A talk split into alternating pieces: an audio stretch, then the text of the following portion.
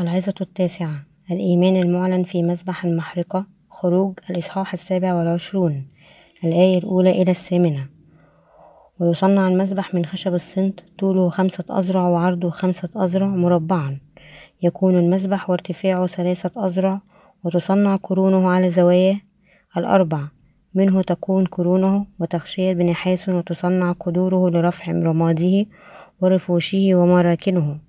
ومناشره ومجامره جميع أنيته تصنعها من نحاس وتصنع له شبالة صنعت الشبكة من نحاس وتصنع على الشبكة أربع حلقات من نحاس على أربع أطرافه وتجعلها تحت حاجب المذبح من أسفل وتكون الشبكة إلى نصف المذبح وتصنع عصوين للمذبح وعصوين من خشب الصنت وتغشيهما بنحاس وتدخل عصواه في الحلقات فتكون العصوان على جانبي المذبح حينما يحمل مجوفا تصنعه من ألواح كما أظهر لك في الجبل هكذا يصنعونه أنا أود أن أناقش الإيمان الظاهر في مذبح المحرقة.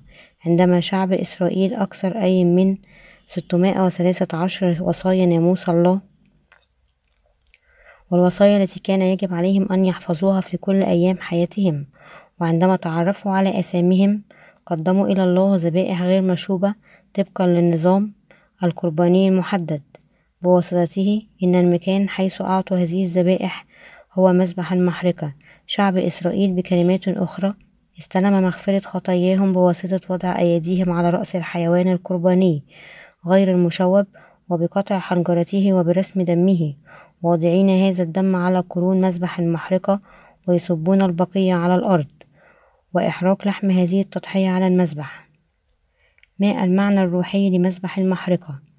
مذبح المحرقة عبارة عن مترين وخمسة وعشرون متر اثنين وخمسة وعشرون متر لكل الطول والعرض ومتر وخمسة وثلاثون الطول في الارتفاع. كان مصنوعا من خشب الصنت وغطى بواسطة برونز حينما شعب إسرائيل نظر إلى مذبح قرابين النار هذا تعرفوا أنهم قد وضعوا تحت الدينونة وعاجزين عن تجنبها. وكما الحيوان القرباني. قد وضع إلى الموت. أدركوا أيضا أنهم كان يجب أن يموتوا بسبب آثامهم لكنهم اعتقدوا أن المسيح يجيء إلى هذه الأرض. ويمحو آثامهم بواسطة أن يدان ويموت مثل الذبيحة بسبب آثامهم مذبح المحرقة كان ظل السيد المسيح يسوع مخلصنا. كما أن الحيوان غير المشوب قد ضحى به بوضع الأيادي وبسفك دمه. هكذا السيد المسيح جاء إلينا كابن الله. وحمل الإدانة لكل أثامنا كما أن التقدمات الذبائحية في العهد القديم كان يجب أن تقبل كل الآثام خلال وضع الأيدي ويسفك دمها. هو أمام كل أسامي العالم التي عبرت إليه بواسطة معموديته بواسطة يوحنا. وحمل إدانة هذه الآثام بواسطة سفك دمه على الصليب بهذه الطريقة مذبح المحرقة يبين لنا أن السيد المسيح يسوع أخذ أثامنا على نفسه بمعموديته ومات على الصليب وقام من الموت وهكذا خلصنا.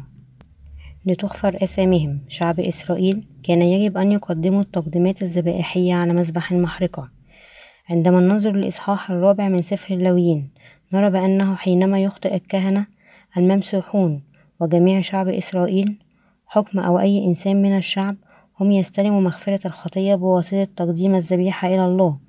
يضعوا أيديهم على رأسها ويذبحوها ويرشوا دمها ويأخذوا إلى مذبح المحرقة ويقدموها إلى الله.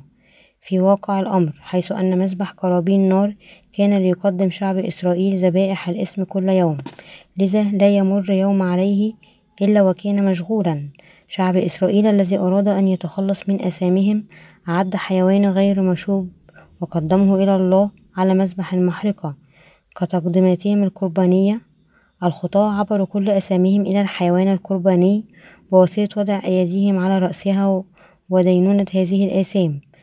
يسألوا دمه بواسطة قطع حنجرته ثم أن الكهنة يضعون دم الذبيحة على هذا على قرون مذبح المحرقة ويحرقوا لحمه ودم ودمه على المذبح وشعب إسرائيل ينال مغفرة الخطية. بغض النظر عن من كان الذي أسمى سواء كان زعيم شعب إسرائيل أو رئيس الكهنة كاهن عادي التجمع كله أو أي إنسان من الشعب هم كانوا يجب أن يستلموا مغفرة الخطية بواسطة تقديم حيوان قرباني. مثل ثور أو عنزة أو كبش وتقديمه إلى الله ذبيحة. الخطاة أو ممثلوهم كان يجب أن يضعوا أيديهم على رأس التضحية ويذبحوها ويضعوا دمها على قرون مذبح المحرقة ويصبوا بقية الدم على الأرض. ولذا تحرق دهن تقدمتهم القربانية وهكذا يمكن أن تغفر لهم آثامهم إذا العديد كان يجب أن يقدم حيواناتهم القربانية إلى مذبح المحرقة ويضع أيديهم على رأس الذبائح. ويسيل دمها ويقدموها للكهنة عندما تقدم الذبائح على مذبح المحرقة هذه التقدمات الذبائحية. كان لزاما عليها أن تكون غير مشوبة وعندما يقدم الخطاة ذبائح إلى الله هم كان يجب أن يأدوها أنهم يقدمون حيوانات غير مشوبة أمام الله.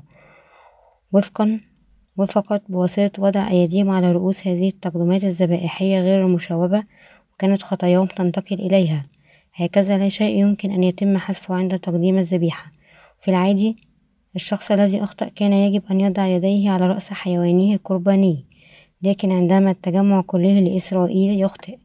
يضع شيوخ الجماعة أيديهم على الذبيحة اللويين الإصحاح الرابع الآية الخامسة عشر وبالطبع الحيوان القرباني الذي على رأسه توضع الأيادي كان لزاما عليه أن يقتل بواسطة قطع حنجرته وسفك دمه. وأخيرا هو كان لزاما عليه أن يحرق على المذبح دخان اللحم والدهن والخشب المحرق إذا يملأ دائما المكان حول مذبح المحرقة وقرونه والأرض تحته كانت لمنقوعة بدم الحيوانات القربانية. مذبح المحرقة كان مكان مغفرة الخطية حيث التقدمات الذبائحية تقدم إلى الله ليطهر أسام شعب إسرائيل. مذبح قرابين النار هذا حيث لا يتوقف الدخان من الصعود كان مربع حامل الوقود من شبكة برونزية. قد وضعت في منتصفه والدخان يصعد بشكل مستمر من الذبائح التي تحرق بواسطة نار الحطب الموجود عليها. الذبائح وتقدم إلى الله وكان مذبح المحرقة مثل هذا المكان حيث تحترق. أدوات مذبح المحرقة كانت كلها مصنوعة من البرونز. أدوات مذبح المحرقة كانت تزيل وتضع جانبا من رماد كانت كلها مصنوعة من البرونز.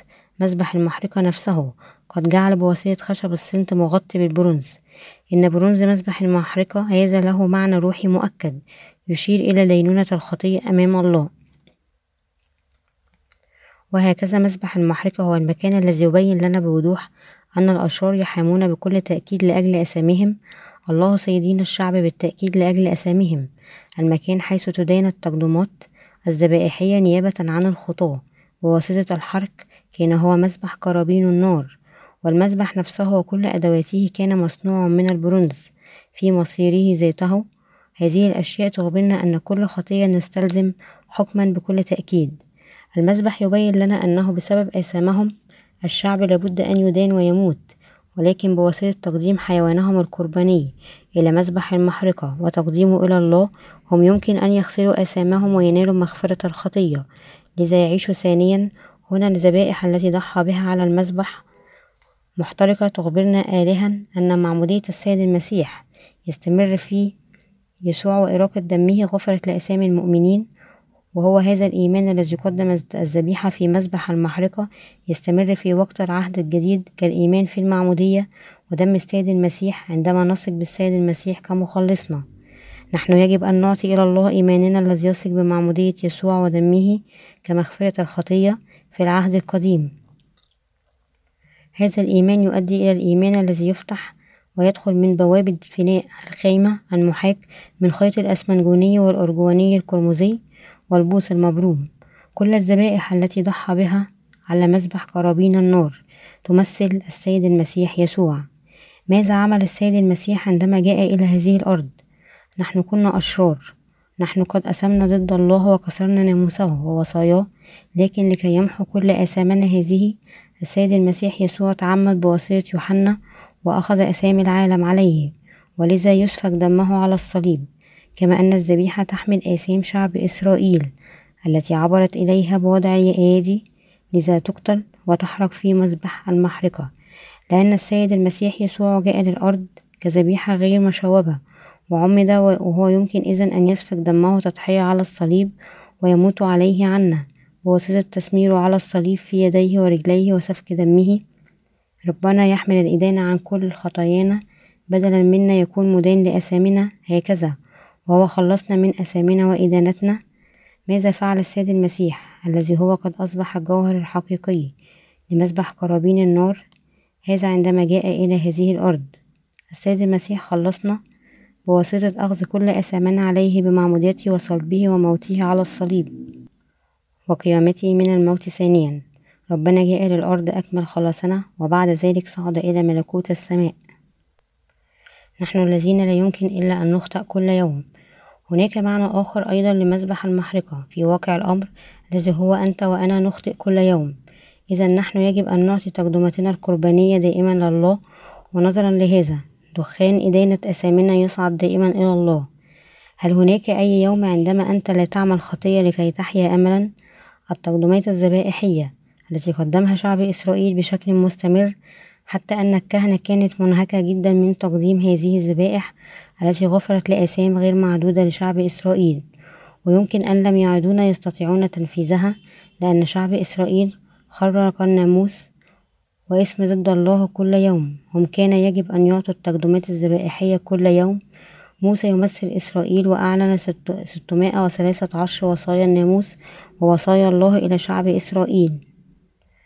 فالآن إن سمعتم لصوتي وحفظتم عهدي تكونون لي خاصة من بين جميع الشعوب فإن لي كل الأرض وأنتم تكونون لي مملكة آلهة وأمة مقدسة. هذه هي الكلمات التي تكلم بها بني إسرائيل سفر الخروج الإصحاح التاسع عشر الآية الخامسة إلى السادسة. شعب إسرائيل إذا وعد فأجاب جميع الشعب معا وقالوا كل ما تكلم به الرب نفعل. فرد موسى كلام الشعب إلى الرب سفر الخروج الإصحاح التاسع عشر الآية الثامنة. أيضا شعب إسرائيل أراد أن يتعرف على الله ويثق به الذي ظهر أمام موسى وتكلم إليهم خلال خلاله كإلههم الحقيقي. وهم أرادوا أن الله الذي يحميهم بواسطة رعاية كل ما تكلم به الله إليهم. أرادوا أيضا أن يصبحوا ليسوا فقط كنزه الخاص لكن مملكة كهنة وأمة مقدسة تنتسب إلى الله. وهكذا حاولوا أن يحفظوا وصايا الله التي هو أعطاهم. هل الله عرف مسبقا أن شعب إسرائيل يأسم؟ بالطبع هو عرف. لهذا الله دعا موسى إلى جبل سيناء بين له الخيمة في الرؤيا وضح تكوينها بالتفصيل وأخبره أن يبينها وجعله يبينها وفقا لذلك وهو أسس النظام القرباني بواسطة الذبائح التي ستقدم في هذه الخيمة. عندما طلب شعب إسرائيل أن يعطي تقدمة خطية إلى الله هم كان يجب أن يجلبوا ثور غير مشوب وغنم وعنزة ويمامة أو حمامة ووضع بضعة استثناءات. كما كان يجب أن يتأكدوا أن يعبروا أسامهم لتقدمتهم القربانية. بواسطة وضع أيديهم على رأسها لويين الإصحاح الأول الآية الرابعة. وبعد ذلك يسيل دمها بواسطة قطع الحنجرة ويقدم الكهنة هذا الدم.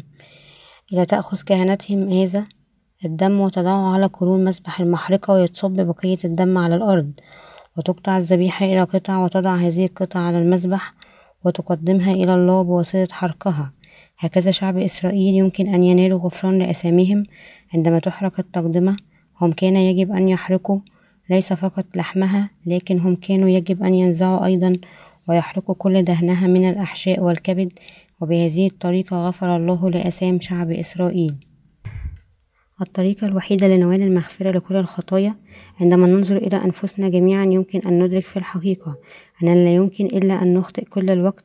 نعيش حياتنا دائما نخطئ.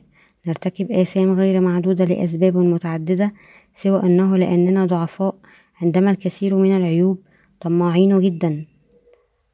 أو عندنا قوة أكثر من اللازم حتى بين أولئك الذين يثقون بيسوع كمخلصهم.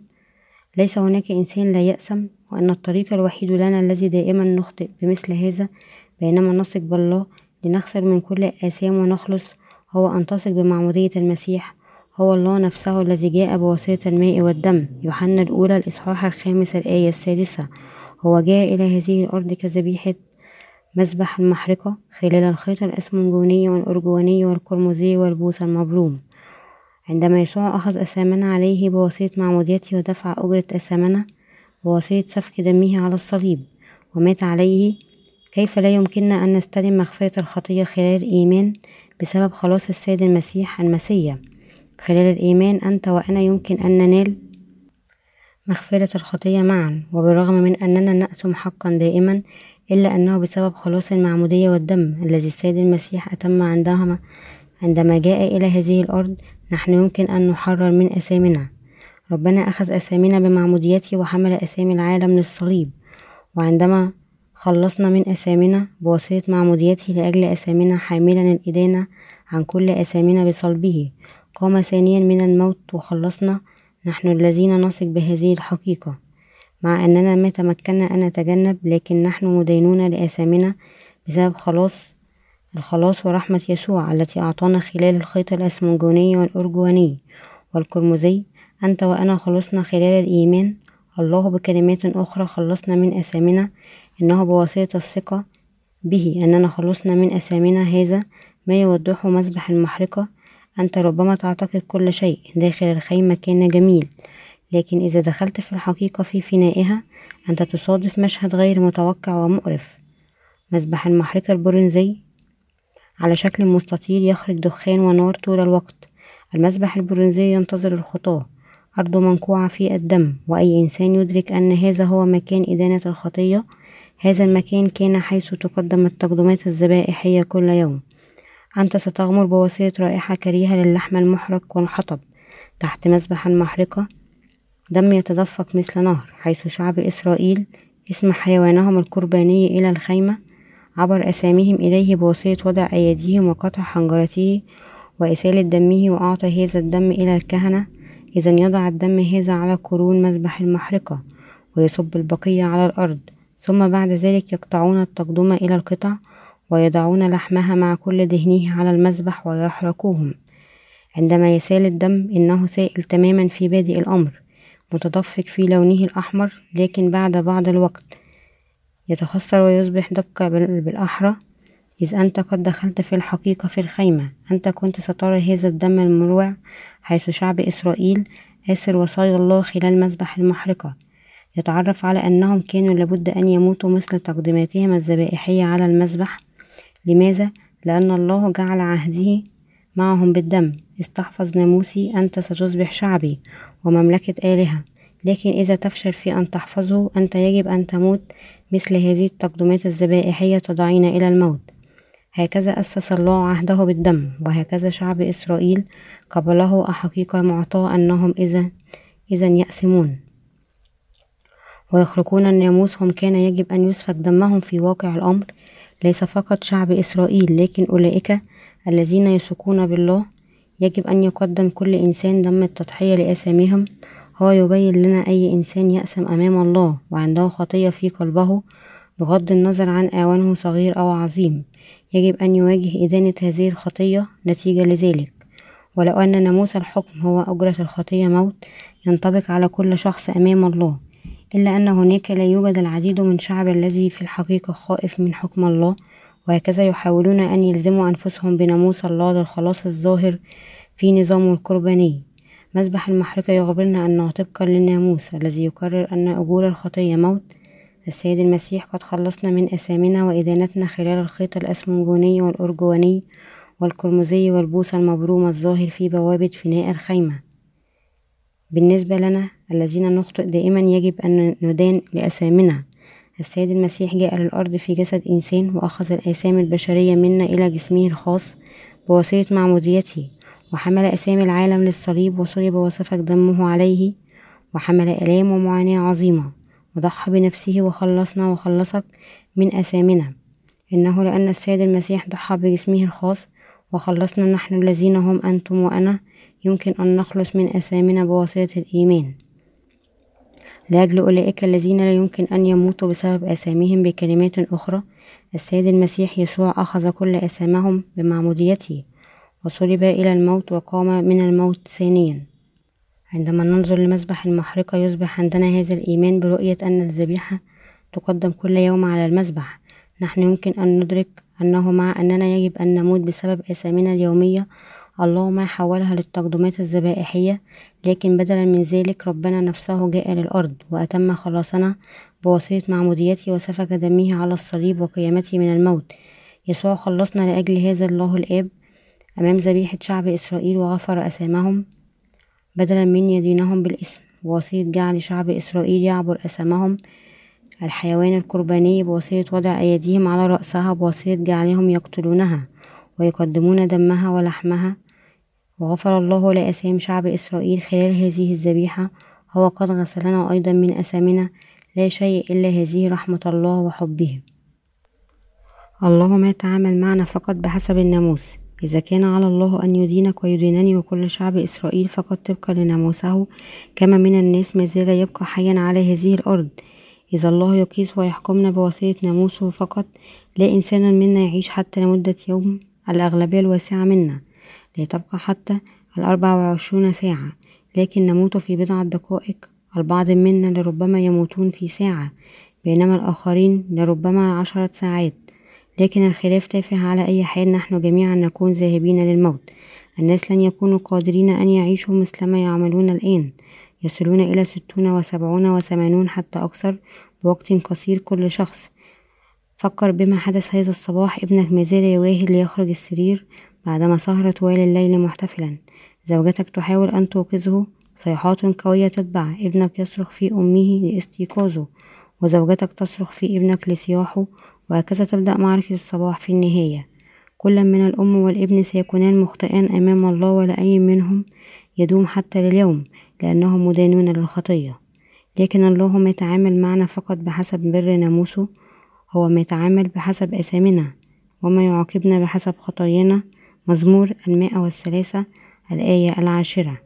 وبدلا من أن يحاكمنا ببر الناموس الله بدلا من ذلك أعد الذبيحة التي تأخذ مكاننا لتنقذ هذا الناموس المستقيم بواسطة جعلنا نعبر أثامنا لهذه الذبيحة بواسطة وضع أيدينا عليه بواسطة جعلنا نعطيه دم هذه الذبيحة بدلا من حياتنا.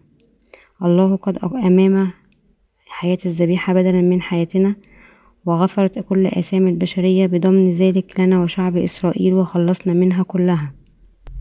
وجعلنا نعيش ثانيا بواسطة خلاص المؤمنين من أساميهم وجعلهم شعبه الخاص. هكذا جعل الله شعب إسرائيل كهنة مملكة الله الذبيحة تشير هنا إلا شيء إلا السيد المسيح يسوع. بسبب أسامنا السيد المسيح أصبح هذه الذبيحة لينقذنا نحن الذين واجهنا إدانة الخطية وأخذ أسامنا عليه بالمعمودية وسفك دمه ومات على الصليب لينقذنا من أسامنا الابن الوحيد الجنس من الله جاء للأرض في جسد إنسان.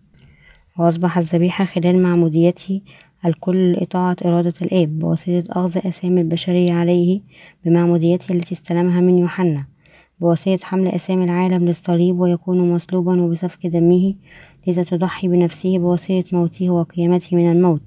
يسوع خلصك وخلصني عندما نسمع كلمة الخلاص. تخبرنا أن يسوع في مكاننا قد عمد وصلب وقام من الموت في ثلاثة أيام.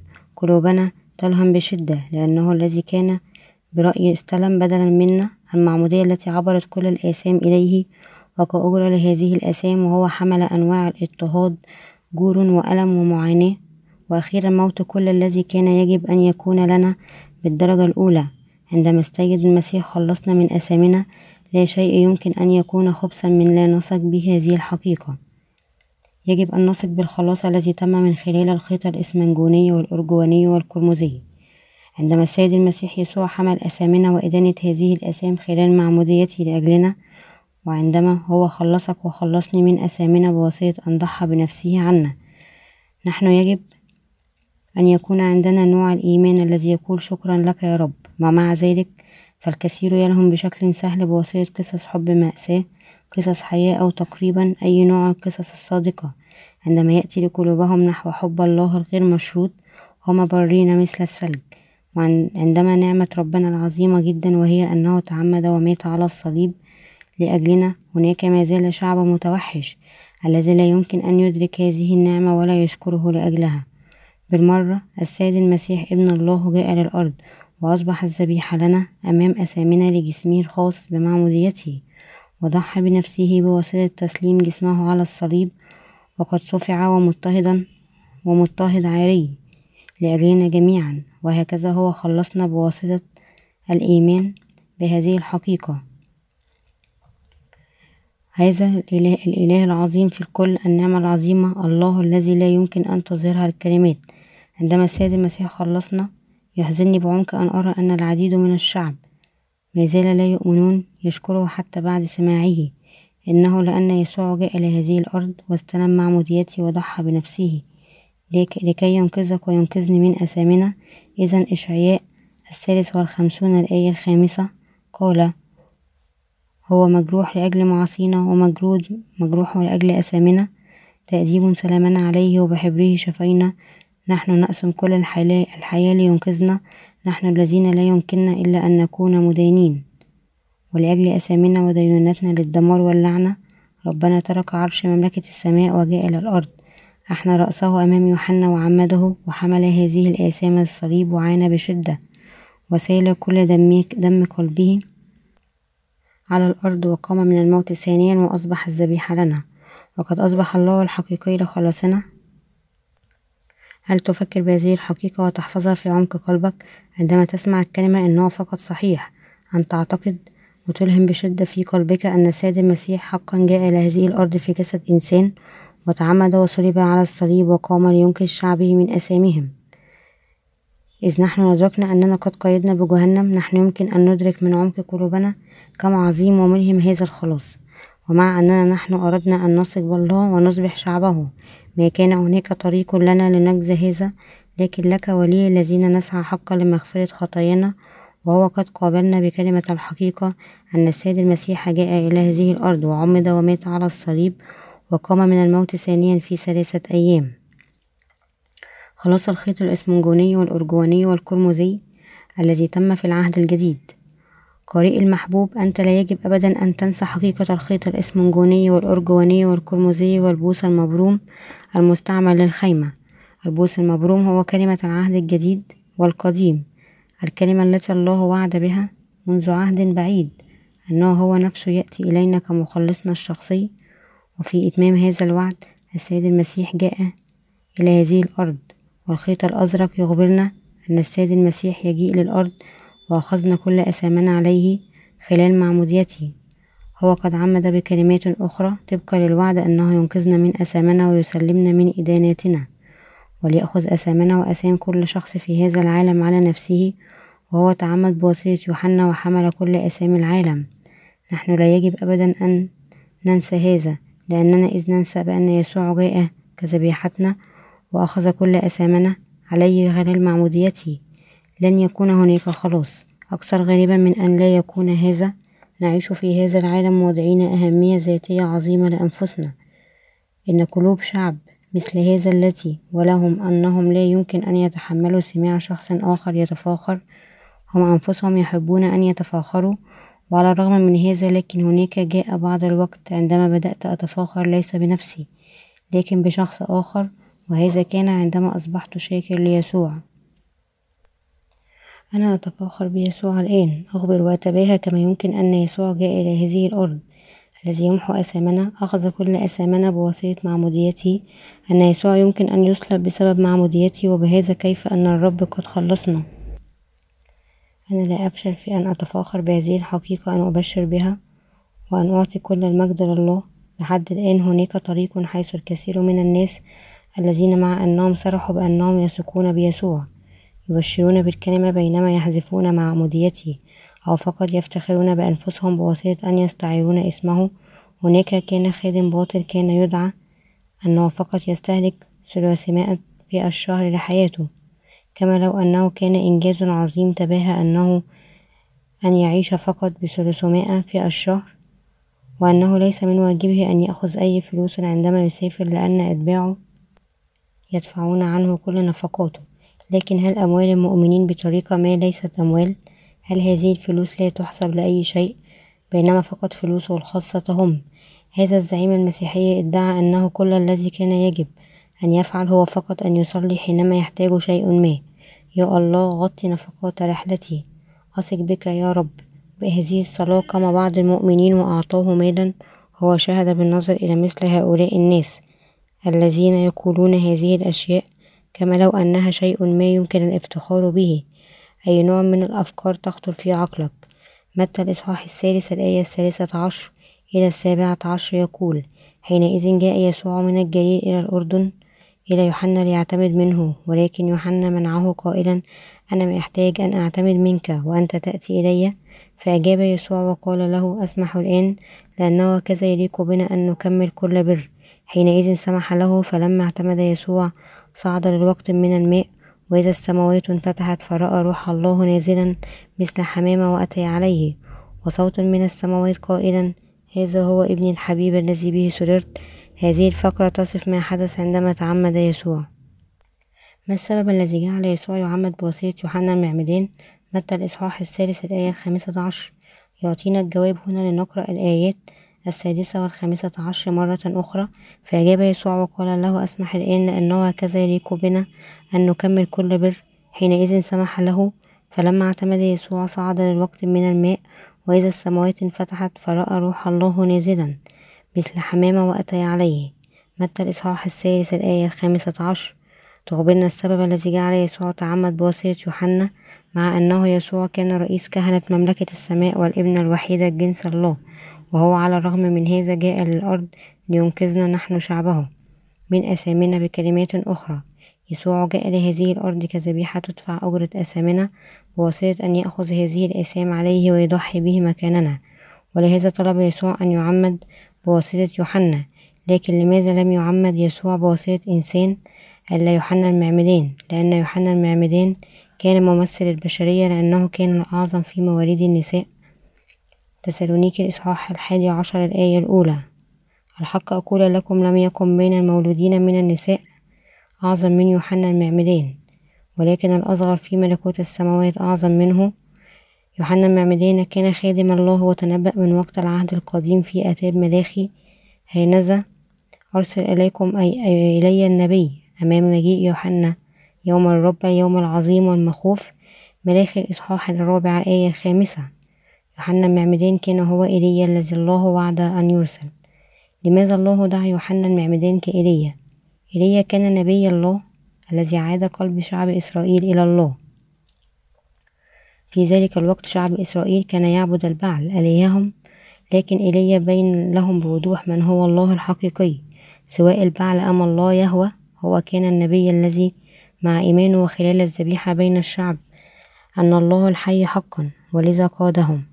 الذين كانوا يعبدون أصناما إلى الله الحقيقي لهذا في نهاية العهد القديم الله وعد أن أرسل إليكم إلي لأن كل البشر الذين جعلوا على صورة الله كان على الطريق الخاطئ لعبادة الأصنام والشيطان.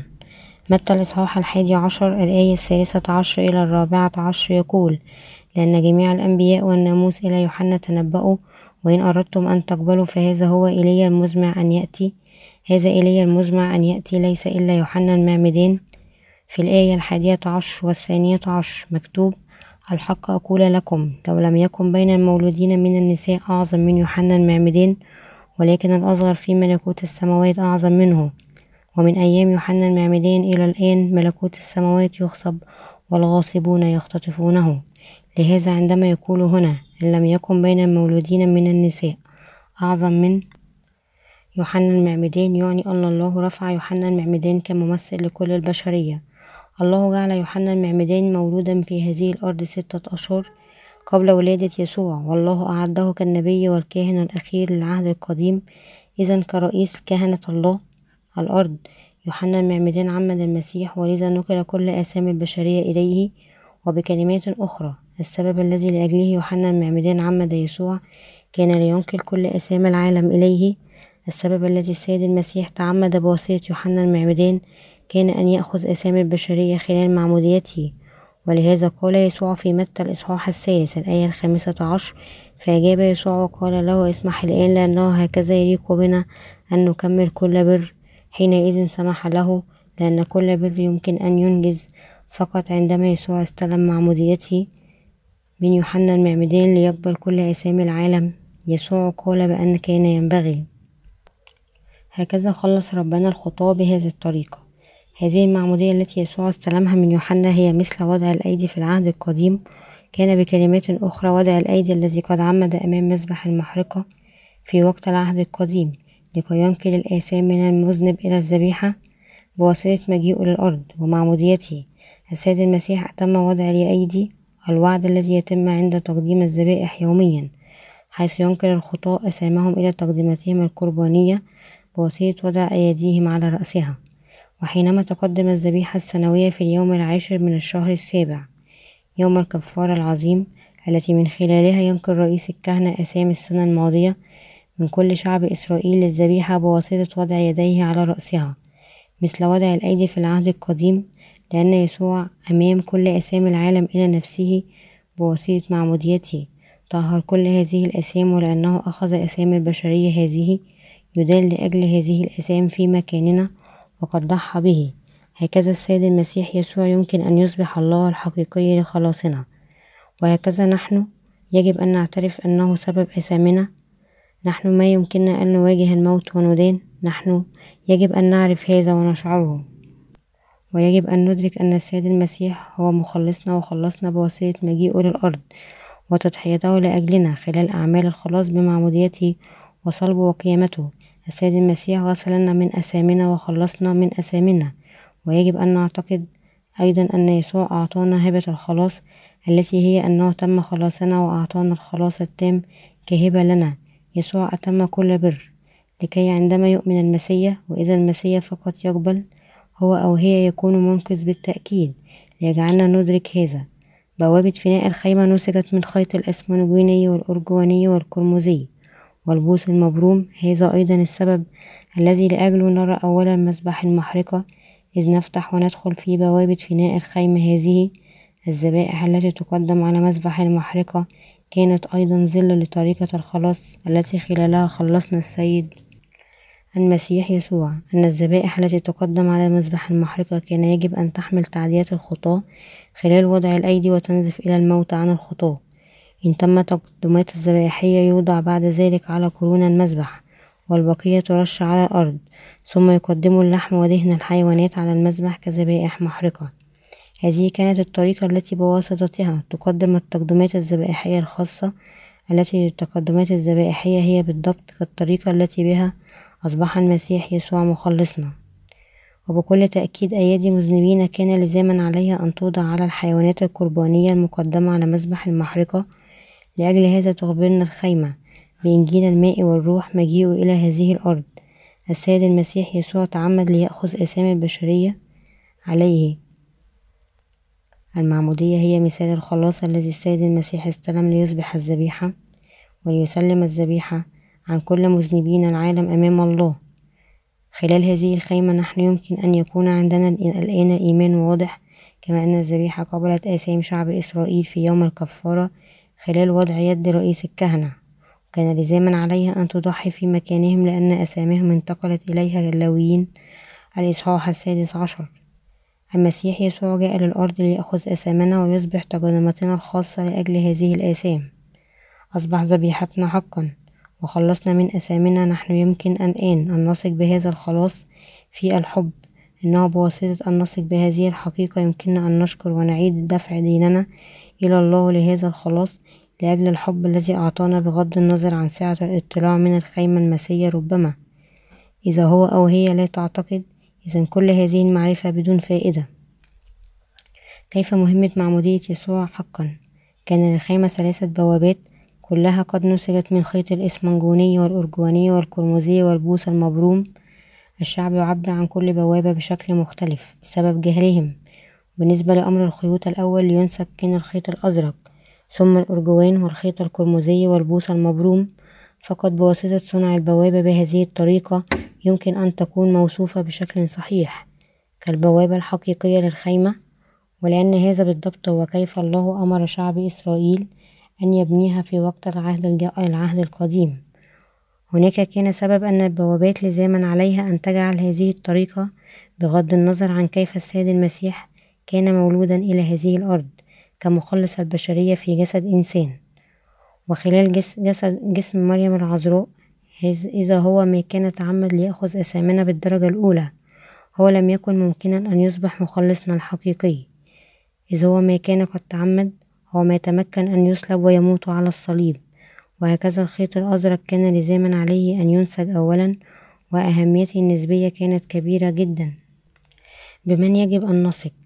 إذا نحن يجب أن نثق بالمسيح الذي خلصنا من أثامنا. نحن يمكن أن نكون حقا مولودين ثانيا عندما نثق بالخلاص بأن هذا ابن الله.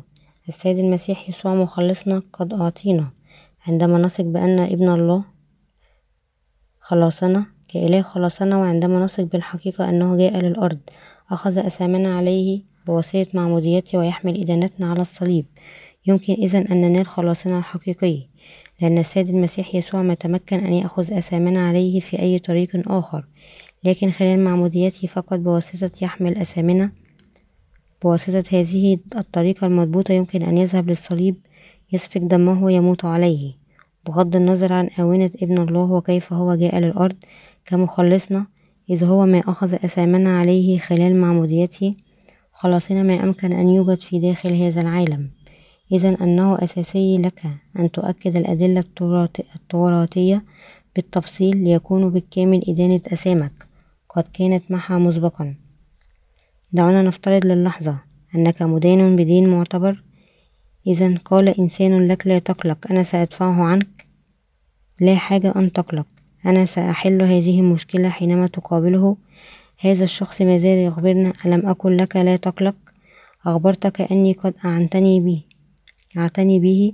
دعونا نفترض ما هو أبعد من ذلك أن هذا الشخص حتى أصبح غاضبا سائلا لماذا أنت لا تؤمن؟ حتى إذا هذا الشخص يخبرك كل يوم. لقد دفعته كله فقط سك بي. عندما هو لا يدفع عنك دينك في الحقيقة هل أنت حقا ستحرر من هذا الدين فقط؟ بواسطة أن تؤمن به بالطبع لا. وبغض النظر عن مدى الثقة التي بها يخبرك إذا أمنت به كل ديونك ستدفع. إذا هو ما دفعه في الحقيقة. إذا دينك يبقى كما هو وهذا الشخص فقط يخدعك.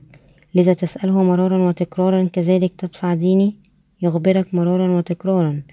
هو إذا لماذا أنت مرتاب جدا؟ فقد سك بي بشكل شرطي. أخبرتك إني دفعت كل دينك كل الذي أنت يجب أن تفعل هو فقط أن تؤمن بي ولحد الآن أنت مرتاب جدا لا تكون مثل هذا؟ لذا دعونا نفترض أنك وثقت به من قلبك لكن بغض النظر عن كيف آمنت به إذ هو ما دفع دينك في الحقيقة إذا كلماتي كلها تكون أكاذيب. هذا هو إيمان المسيحية اليوم. مسيحي اليوم يقولون يسوع خلصك بواسطة سفك دمه على السمين وعلى الصليب وهو حمل إدانة الخطية. هناك هكذا هو خلصك الكثير من القصص. يبشرون بمثل هذا في اجتماعاتهم. وعندما يقوم إنسان في الاجتماع ويخبرهم لكن أنا ما زلت شرير يقولون إن هذا لأن إيمانك قليل فقد آمن. لا شيء إلا جحودك وخطيتك. أنا أيضا أريد حقا أن أعتقد يا سيد لكن أنا لا أعرف لماذا لا يمكنني أن أعتقد. أنا لا أعرف لماذا أنا ما زلت شرير مع أنني أؤمن. أعتقد حقا أن أنت ما عندك الإيمان كافي تحتاج أن تعتقد أكثر وتحاول تسلق جبال آمن بينما تترك وجباتك. هل بإمكاننا أن نعتقد بينما لا أترك وجبات؟ لا أنت يجب أن تحاول. إيمان بينما أنت تصوم. العديد من قصص اليوم يخبرونك أن تعتقدوا لحد الآن هم لا يحلون مشكلة أسامك. وهم فقط يوبخونك لأنكم لا تعتقدون من ناحيتك. تحاول أن تعتقد ولحد الآن إنه صعب جدا أن تعتقد. وهم فقط يوبخونهم لأنكم لا تعتقدون ومن ناحيتك تحاول أن تعتقد ولحد الآن إنه صعب جدا أن تعتقد من خطأ هنا ماذا يمكن أن يوضح هذا؟ الشعب لا يمكن أن يصدق والإيمان قوي لأنهم لا يعرفون أن السيد المسيح أخذ أساميهم عليه بواسطة شعبه معموديته لأنهم يثقون بالأوهام التي بها هم لا يمكن أن يحلوا مشكلة أساميهم مهما أهمنوا هل الإيمان يأتي فقط بواسطة الإيمان بلا شروط بدون أي دليل؟ مؤكد بالطبع لا. يكون الإيمان كامل فقط عندما تعرف كيف حلت مشكلة الخطية. حقا وتثق به. مع أنني قد شككت فيك إنه واضح كثيرا أنك قد حللت مشكلة آثامي مسبقا. مهما أحاول أن أؤمن أنا لا يمكن إلا أن أثق بخلاصك لأن هذا الخلاص أكيد جدا. شكرا لك لحل مشكلتي. مع أنني ربما نشك في بادئ الأمر بكلمات أخرى لأن دليل خلاصنا متأكد جدا بحيث أنه لا يمكن أن نعد شك أكثر كعلامة خلاصنا ودليله. يسوع بين لنا روشتة إنجيل الماء والروح أنا قد دفعت دينك لك بهذه الطريقة فقط عندما ننظر إلى هذه الروشتة التي يشوف بأن كل ديوننا دفعت يمكن أن الإيمان الحقيقي يأتي إلينا نحن لا يمكن أن نعتقد حتى كما نعلن أن نثق بالله نقول أن السيد المسيح هو الله نفسه مخلصنا وندع أن نثق بالمنقذ. عندما نحن ما عندنا دليل كيف هو خلصنا وكيف أسامنا محت نحن لا يمكن أن نأخذ قناعة قوية ما لم نرى الصك المبين دفع كل أجور أسامنا. الشعب الذي يؤمن بدون رؤية هذا الصك ربما يظهر أن يكون عنده شعور قوي بالإيمان في بادئ الأمر لكن إيمانهم في الحقيقة أعمى ببساطة إنه ليس أكثر من الإيمان متعصب. هل تعتبر تعتبر الإيمان المتعصب إيمان جيد؟ ما رأيك إذا قس متعصب يطلب نفس التعصب من الآخرون أيضا؟ آمنوا واستلموا النار النار النار إن الروح القدس الذي مثل النار يملأنا بالنار أعتقد أن الرب سيبارككم جميعا. أنا أعتقد أنه سيجعلكم جميعا أغنياء. أنا أعتقد أنه سيبارككم. أنا أعتقد أنه سيشفيكم. عندما مثل هذا القس يرفع هذا النوع من العروض تبدأ قلوب أذان الجمهور تدق وتبدأ قافزة محولا خلال نظام صوتي من النوعية الأعلى. عندما يصبح يبدأ يصيح نار نار يبدأ قلب الجمهور يرحب بالصوت الملوكي لصوته. هم إذا غمروا بشكل عاطفي كما لو أن الإيمان القوي يأتي حقا إليهم. وينوحوا تعالى أيها الرب يسوع تعالى أيها الروح القدس. وفي هذا الوقت يحرض القصة عاطفة الجمهور حتى أكثر بواسطة أن يقول دعونا نصلي وأنا أعتقد أن الروح القدس ينحدر ويملأنا جميعا والخرس يلعب بإلهام ويسبح تسابيح تابعينه والشعب يرفعون أيديهم بالحماس وانفجاراتهم العاطفية تصل للذروة. هذا يكون عندما القس يقول دعونا نعطي ذبائحنا وبالأخص هذا لمساء يريد الله أن يستلم تقدمة خاصة دعونا كلنا نعطي هذه التقدمة لله هذا القس مغمورين بواسطة عواطفهم. الشعب إذا ينتهي بإفراغ جيوبهم الباطل قد أعد منبر هائل. مسبقا أبير بما يكفي أن يكون كل الفلوس التي يجمع. ووضع ديزينات من أجل جمع المال من مجموعة تنطلق في جبهاتها عندما يبدأ فريق العزف تراتيل وقلوب الشعب تغمر بواسطة إثارتهم هو إذا يرسل من يتطوعون بالمرور. وسط الجمهور بواسطة الكذب أنه كلما تكثر الذبائح تعني بركات أكثر بواسطة أن يحرض عواطف شعب مثل هؤلاء القصص الباطلين يقنعون الشعب أن يسفكوا دماءهم ويفتحون محافظهم. إنه ليجعلهم يسلمون فلوسهم بدون حتى الإدراك بواسطة أن يسلبهم عقلهم وإدراكهم ويغمر عواطفهم بدلا من ذلك. هذا لا تستند على كلمة الله ولا أي نوع عظة. لكن فعل متعصب. فعل متعصب وأعمى الذي يبني على احتيال مثل هؤلاء القصص الأصحاب الإيمان الباطل حرضوا عواطف شعب ليصلوا إلى أهدافهم الخفية الخاصة. إذ نعرف بأن ربنا أخذ أسامنا عليه خلال معموديته ونثق بالسيد المسيح. إذا نحن لسنا مهزوزون لكي نبقى بسلام. الشيء الوحيد الذي يلهمنا بشكل هادئ هو أن نموت وعندما نفكر بهذا أن يسوع الله نفسه أخذ أسامنا عليه بمعموديته ومات ليدفع أجور هذه الآثام.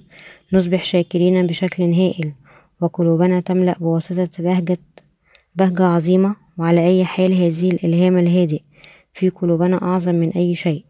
ما عدا ذلك في هذا العالم لا أي اعتراف رومانسي من الحب ولا أي هدية من الماس الأغلى ثمنا في العالم.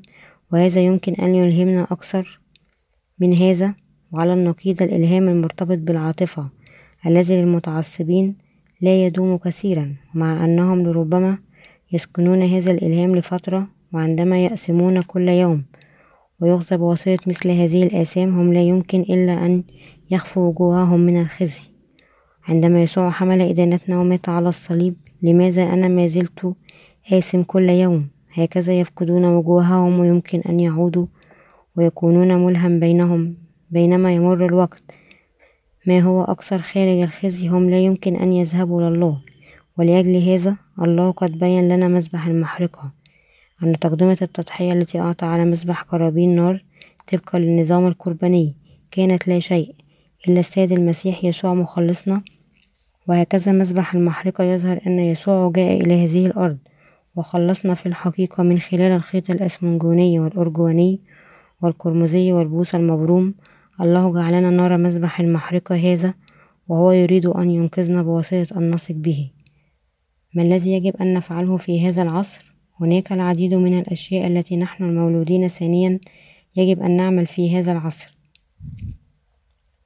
أولا نحن يجب أن نبشر بإنجيل الماء والروح في جميع أنحاء العالم.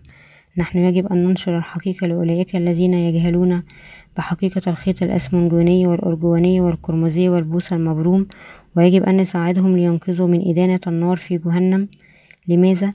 لأن هناك العديد من الشعب الذين هم يتلونون بيسوع يتلون يسوع بدون حتى إدراك والإيمان بإنجيل الماء والروح والظاهر في الخيمة. هناك ما زال العديد من الأشياء لنا نعملها حتى تنشر هذه الحقيقة. نحن يجب أن ننشر كتبنا التي ترسل خلال العالم. من الترجمة إلى المراجعة لهذه الكتب وأن نضمن الأموال الضرورية لنطبعها ونرسلها إلى البلدان في جميع أنحاء العالم. هناك حقا العديد من الأعمال التي من الضروري أن نعمل. عندما ننظر إلى زملائنا وخدامنا نرى فقط كيف هم مشغولين لأن كل القديسين وعمال كنيسة الله مشغولة بهذه الطريقة. هم يذهبون خلال بعض الوقت الصعب جسديا ويقال أن أعداء المارسون يصلون نقطة معينة في الاثنين وأربعون ألف والمئة خمسة وتسعون. عندما يصبحون منهكين جدا لدرجة أنه ليس من المؤكد أنهم يجرون أو يعملوا شيئا من المختلف بالكامل ما عدا ذلك. باختصار الإعياء المتطرف يصنعهم بلا معنى قليلا ربما نحن الآن قد وصلنا هذه النقطة أيضا في جرينا للإنجيل نحيا حياتنا الإنجيل. هو مثل العدو مسافة طويلة نحو هدفنا بدون وقوف كما يفعل عدائي المارسون. لأن عدونا للإنجيل يجب أن يستمر يوم مجيء الرب. نحن كلنا نواجه ضيق لكن لأن ربنا فينا لأن نحن عندنا إنجيل الماء والروح لأن إيماننا يؤمن أن الرب خلصنا بالخيط الأسمنجوني والأرجواني ولأننا نثق به على الأغلب الحقيقة. نحن يمكن أن نستلم قوة جديدة إنه لأن يسوع أعطانا هبة الخلاص التي أنت وأنا استلمت هذه الهدية لذا أنا مصاعب جسديا لا يمكن أن تزعجنا الأكثر صعوبة يصبح الأكثر قوة على اكتشاف البر. أشكر الرب حقا روحيا في قلوبنا في أفكارنا وخلال بيئتنا المحيطة نحن يمكن أن نشعر القوة الجديدة التي ربنا أعطانا وأنه معنا لأننا يمكن أن نشعر بأن يساعدنا ويحملنا وأنه معنا أن نعطي أكثر شكرا له. لذا قال بولس الرسول أستطيع كل شيء في المسيح الذي يقويني. في لب الإصحاح الرابع الآية الثالثة إلى الأولى. الآية الثالثة عشر إذا اعترفنا كل يوم أننا لا يمكن أن نعرف أي شيء. إذا الرب لا يسمح لنا ليس فقط السيد المسيح يسوع تعمد لأجلنا لكنه ضحى بواسطة مواجهة الصليب وموته وقام من الموت ثانيا وأصبح مخلصنا الحقيقي. يأتي أن تذكر أنفسنا بهذه الحقيقة مذبح المحرقة كان مصنوع من خشب الصنت وكان مغطى من الداخل والخارج بالبرونز السميك وارتفاعه كان مترا وخمسة وثلاثون ومشبكة شبكة برونزية وضع قرب منتصفه في ثمانية وستون سنتيمترا في الارتفاع. إن لحم ذبائح قد وضع على هذا المشبك ويحترق. وحينما ننظر لمذبح المحرقة يجب أن يكون قادرين أن نرى أنفسنا. نحن يجب أن نكون قادرين أن نرى السيد المسيح أخذ أثامنا بواسطة معموديته في جسده وحمل كل إدانة أثامنا بواسطة سفك دمه على الصليب. أنا وأنت حقا ما تمكنا إلا أن نموت أمام الله بسبب أثامنا أنت وأنا ما تمكنا إلا أن نموت ونلعن إلى الأبد. لكن بسبب يسوع المسيح الذي جاء إلى هذه الأرض كذبيحة أبدية للتكفير قد عمد ومات لأجلنا مثل ذبيحة العهد القديم. إن الحيوان القرباني ربما يبدو لطيف ومحبوب عندما يكون حي لكن كم شنيع يمكن أن يكون عندما ينزف إلى الموت؟ بشق حنجرته بعد أن يقبل الآثام خلال وضع الأيدي. إنه نحن الذين استحققنا أن نموت بهذه الطريقة المرعبة. قد نجونا من إدانتنا. حقا بركة عظيمة. هذه البركة كانت محتملة لأن الرب أعطانا هبة الخلاص. وكما هو ظاهر في الخيط الأسمنجوني والأرجواني والقرمزي والبوص المبروم السيد المسيح يسوع جاء للأرض في جسد إنسان وخلصك وخلصني خلال معموديته ودم الصليب وأعطانا الهدية الحقيقية للخلاص. هي هل أعطاك الله هبة الخلاص؟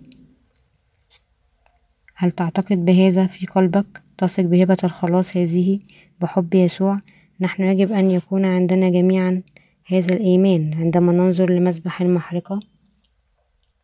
نحن يجب أن ندرك أن السيد المسيح خلصنا بهذه الطريقة وضحى بمثل هذا إلى الموت. يسوع أعطانا خلاصنا بواسطة ألم في هذا الأسلوب.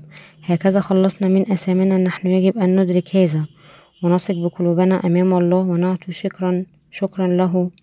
والله يريدنا أن نستلم خلال الإيمان هبة وحب الخلاص الذي هو أعطانا. يريدنا أن نثق بقلوبنا في خلاص المعمودية ودم الصليب الذي أتم بواسطة الماء والروح.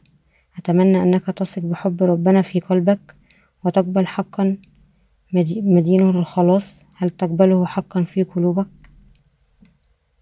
من كان سيضحي بهذه الطريقة لأجلك. رأيت شهادة نشرة إعلانية مرة التي قالت من يموت من أجلك. من قابلت اليوم الذي ريح ريحتك السيد المسيح يسوع ضحى لك هل قلبك لا يستريح بواسطة هذا؟ من يحمل آثامك حقا بواسطة معموديته ويموت على الصليب في مكانك لكي يمحو أثامك من يسفك كل دمه ويموت ليمنحك حبه. من أبدا سيكون راغب أن يواجه هذه التضحية لك. هل هو قريبك ابنك؟ والديك؟ لا إنسانا منهم. إنه الله نفسه الذي جعلك لحفظ أنت من أثامك هذا الله جاء إلى هذه الأرض في جسد إنسان تعمد ليأخذ آثامك عليه وصلب وسفك الدم. أصبح منقذك الحقيقي وقام من الموت ثانيا. هل تثق بقلبك حقا؟ كل من يؤمن ينال الرب وكل من ينال سينقذ. استلام يقصد أن يقبل الخلاص والحب. السيد المسيح أعطى لنا إنه بواسطة الثقة بقلوبنا في هذا الحب. نخلص ومغفرة آثام وحمل هذه الآثام. كل شيء في الخيمة يظهر السيد المسيح الله لا يطلب أي تضحية منا. كل الذي يسأله منا هو أن نثق بهبة الخلاص الذي هو أعطانا في قلوبنا لكن أعطيك هبة الخلاص. أنا جئت إلى هذه الأرض مثل ذبيحة العهد القديم. قابلت كل آثامك التي عبرت إلي من خلال وضع الأيدي ومثل تقدمة التضحية هذه أحمل الإدانة المرعبة عن آثامك. هكذا أنا قد خلصتك. هذا ما الله يخبرنا خلال الخيمة. بغض النظر عن كيف الله خلصنا وحبنا كثيرا وأعطانا هبة الخلاص التام إذ نحن لا نعتقد أن يكون كل شيء بدون فائدة. الملح في خزانتك يجب أن يوضع أولا في شربتك لكي يكون لها مذاق مالح. وعلى نفس النمط إذ أنت وأنا لا نثق بقلوبنا حتى خلاص التام يدور بدون فائدة. إذ نحن لا نشكر في قلوبنا لإنجيل الماء والروح نقبله في قلوبنا تضحية يسوع تصبح هزيمة القيمة.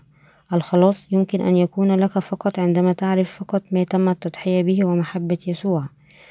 الله المخلص أعطاك أقبله في قلبك واشكره. إذ أنت لا تقبل هبة المسيح للخلاص التام في قلبك لكن فقط تفهمها في رأسك.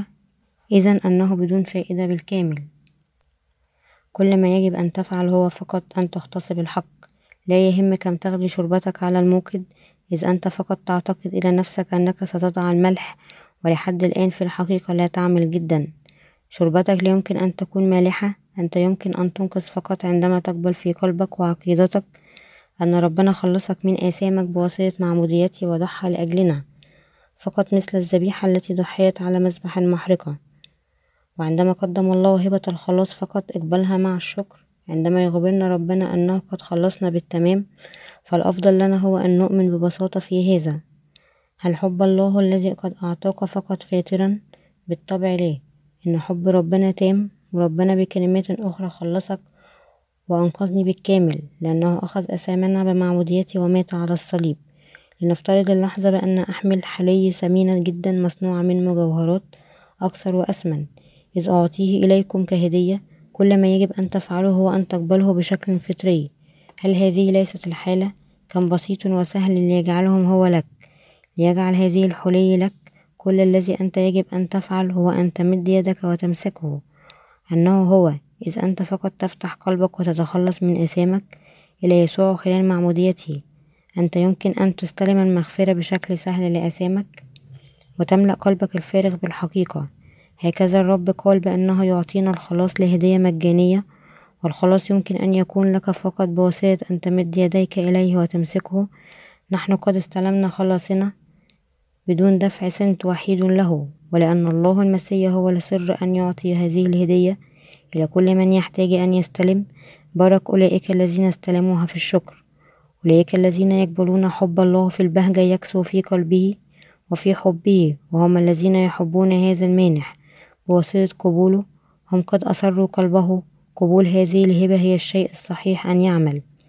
إنه فقط عندما تقبل هبة الخلاص التام التي الله قد أعطاك. هذه الهدية الحقيقية الخلاص يمكن أن تكون لك.